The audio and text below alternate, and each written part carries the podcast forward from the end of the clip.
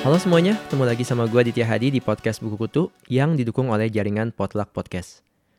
Buat kalian yang mungkin belum pernah dengerin podcast ini sebelumnya, podcast Buku Kutu adalah sebuah podcast yang membahas tentang berbagai hal menarik dari dunia literasi, biasanya berupa review buku, obrolan dengan penulis atau penerbit, serta hal-hal lain yang seru untuk dibincangkan. Sebagai informasi, saat ini podcast Buku Kutu juga sudah tersedia di platform YouTube, jadi kalau mau nonton bisa langsung kunjungi kanal Potluck Podcast. Kali ini gue mau bahas buku yang berjudul The Voyage of Dr. Dolittle. Buku ini terbit tahun 1922, jadi udah lama banget. Ini adalah buku kedua dari seri Dr. Dolittle yang dikarang oleh Hugh Lofting. Jadi dari tahun 1920 sampai 1950-an, Hugh Lofting itu membuat 12 buku. Dan ini adalah buku keduanya. Gue tertarik buat bahas buku ini karena sebentar lagi di tanggal 17 Januari 2020 akan tayang film di bioskop yang berjudul Doolittle. Film itu dibintangi oleh Robert Downey Jr., sang Iron Man, dia berperan sebagai John Doolittle, dan Harry Collett sebagai Tommy Stubbins.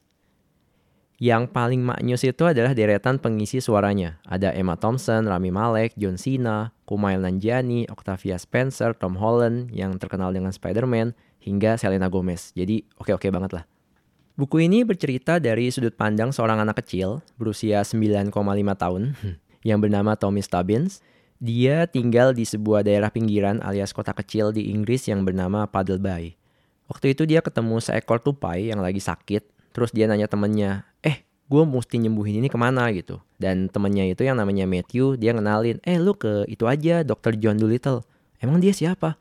Dia bisa ngomong sama hewan. Jadi dokter Doolittle ini emang terkenal bisa ngomong sama hewan tapi bukan kayak mukjizat atau anugerah kayak Nabi Sulaiman gitu. Tapi emang dia bener-bener belajar kayak kita belajar bahasa Inggris, bahasa Itali, bahasa Spanyol.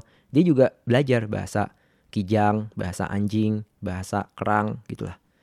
Makanya di rumahnya itu ada beberapa hewan yang tinggal, ada yang jadi pembantunya dia, bebek. Kemudian dia juga punya burung beo yang kayak asisten namanya Polinesia. Dan ini nih kalau di film dia diisi suaranya sama Emma Thompson. Dan karena si dokter John Dolittle ini bisa ngomong sama hewan, jadi dia tahu, oh hewan ini sakitnya di mana, hewan ini nyembuhinnya kayak gimana dia tahu. Makanya ketika si Tommy Stubbins itu ketemu sama tupai yang sakit, diarahin sama temannya buat ketemu si dokter Dolittle. Dan sejak saat itu si Tommy Stubbins ini kayak terkesima dengan apa yang bisa dilakukan oleh Dr. Dolittle dan dia pengen belajar bareng sama Dr. Dolittle itu. Dan salah satu hal yang paling menarik buat si Tommy adalah kebiasaan Dr. Dolittle untuk jalan-jalan ke belahan dunia lain buat ketemu binatang, buat nyari orang-orang yang ngerti binatang juga, dan lain sebagainya. Jadi kalau di buku ini tuh dijelasin bahwa Dr. Dolittle ini adalah seorang naturalist. Ini gue kayak nyari di Google juga nggak ketemu gitu. Tapi di sini sebutin bahwa naturalist itu adalah orang yang tahu segala hal tentang hewan, kupu-kupu, tanaman, sampai bebatuan, dan dia tahu cara memanfaatkan kekuatannya tersebut atau keahliannya tersebut. Dan di buku ini dijelasin bagaimana caranya si Dr. Dolittle memanfaatkan kemampuannya itu. Suatu hari, Tommy Stubbins tuh kayak bilang sama Dr. Dolittle, eh, lu kan sering jalan-jalan ke luar negeri, kapan lagi? Gue juga pengen dong ikutan gitu. Nah, kebetulan si Dr. Dolittle tuh emang udah ada rencana buat pergi ke luar negeri. Dia pengen ketemu sama seorang ahli tanaman yang berasal dari suku Indian yang namanya Long Arrow. Tapi berdasarkan informasi yang dia dapat dari hewan-hewan yang datang ke rumahnya dia, Long Arrow ini hilang. Dan terakhir ada orang yang lihat si Long Arrow ini, dia berada di Spider Monkey Island. Dan ya Dr. Dolittle udah memutuskan bahwa yaudahlah gue gak jadi pergi gitu. Tapi karena si Tommy ini yang udah jadi asistennya dia ngotot, ayo dong dokter gue juga pengen jalan-jalan gitu. Akhirnya ya udahlah kata dokter Dolittle, oke okay, lu pilih mau ke mana tapi pilihnya harus random. Jadi ceritanya si Tommy-nya ini harus tutup mata dan dia kayak nunjuk atlas, oke okay, kita akan ke sana. Tapi malah kebetulan yang ditunjuk sama si Tommy itu ya Spider Monkey Island yang katanya adalah tempat terakhir orang ngelihat si Long Arrow itu. Akhirnya mereka berangkat lah pakai kapal ke sana. Sepanjang perjalanan, Dr. John Dolittle, Tommy, dan hewan-hewan yang diajak mengalami petualangan-petualangan menarik. Mulai dari penumpang gelap yang naik, sampai uang mereka habis buat bayarin penumpang itu turun. Kemudian mereka juga ke Spanyol, hampir dikeroyok orang di sana, tapi malah dapat uang banyak. hingga mereka dapat tantangan ombak tinggi di Samudra Atlantik karena lokasi dari Spider Monkey Island itu ada di dekat Brazil. Jadi mereka mesti nyebrang Samudra Atlantik gitu. Tapi di kapal itu baik John Dolittle, Tommy dan yang lain itu nggak ada yang pelaut. Jadi ya udahlah. Mereka akhirnya kayak ngalamin petualangan-petualangan lanjutan setelah itu. Dan sampai akhirnya menurut gue bakal menarik banget. Jadi kalau kalian tertarik langsung aja baca bukunya. Dan setelah ini gue akan share review gue tentang buku The Voyage of Dr. Dolittle karya Hugh Lofting ini.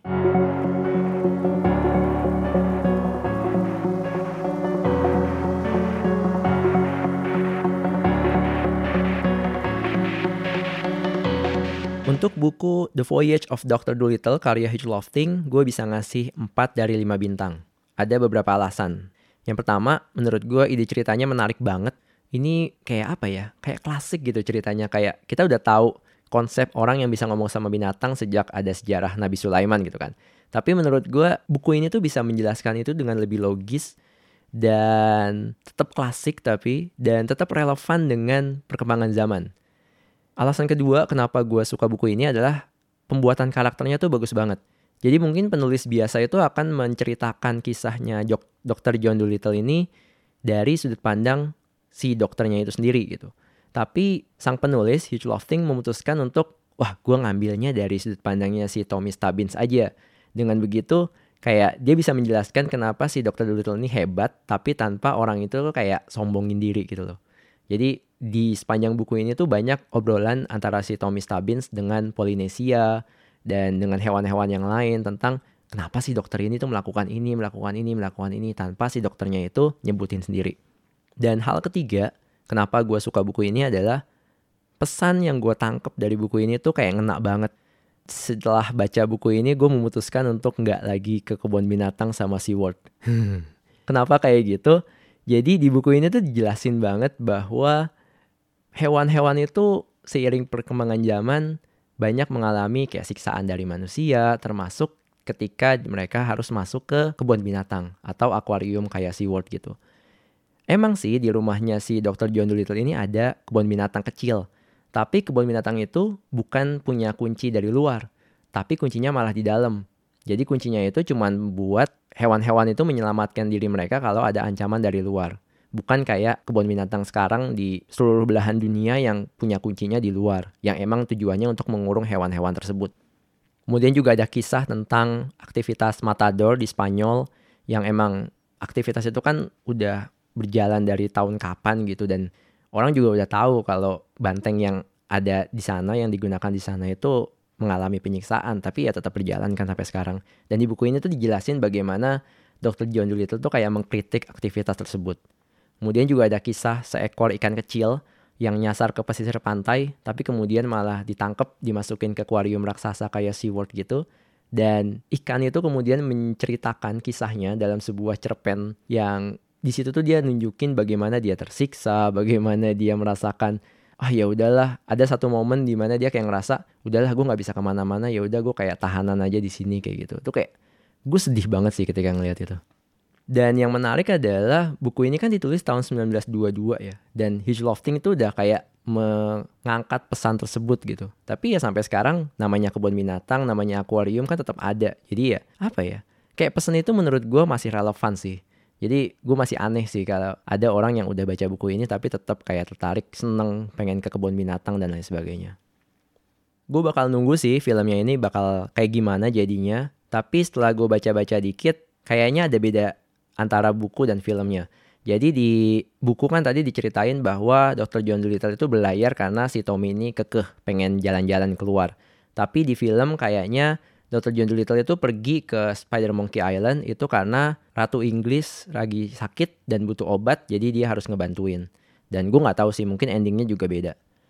Dan hal lain yang gue kayak takut ngerasain hal yang aneh ketika nonton filmnya adalah di buku itu digambarin bahwa Dr. John Dolittle tuh kayak orang yang geek, terus perutnya gendut, eh, kepalanya botak. Tapi di film kan Robert Downey Jr. gitu kayak, hah mirip nggak ya kayak gue gue kayak imajinasi gue kayak bakalan rusak gitu sih ngerasanya. Tapi ya kita lihat aja ya hasilnya nanti tanggal 17 Januari 2020. Kayaknya itu aja dari gue. Jangan lupa buat follow podcast ini di Spotify dan SoundCloud. Dan kalau kalian mau reach out gue buat rekomendasi buku, rekomendasi penulis yang harus gue ajak ngobrol atau topik lain, bisa langsung reach out gue ke Instagram at podcastbukukutu, ke Twitter at podcastbuku, atau email podcastbukukutu at gmail.com. Jangan lupa juga buat beri dukungan untuk jaringan Potluck Podcast dengan follow Instagram at Potluck Podcast. I think that's all. Thank you for listening. See you and ciao.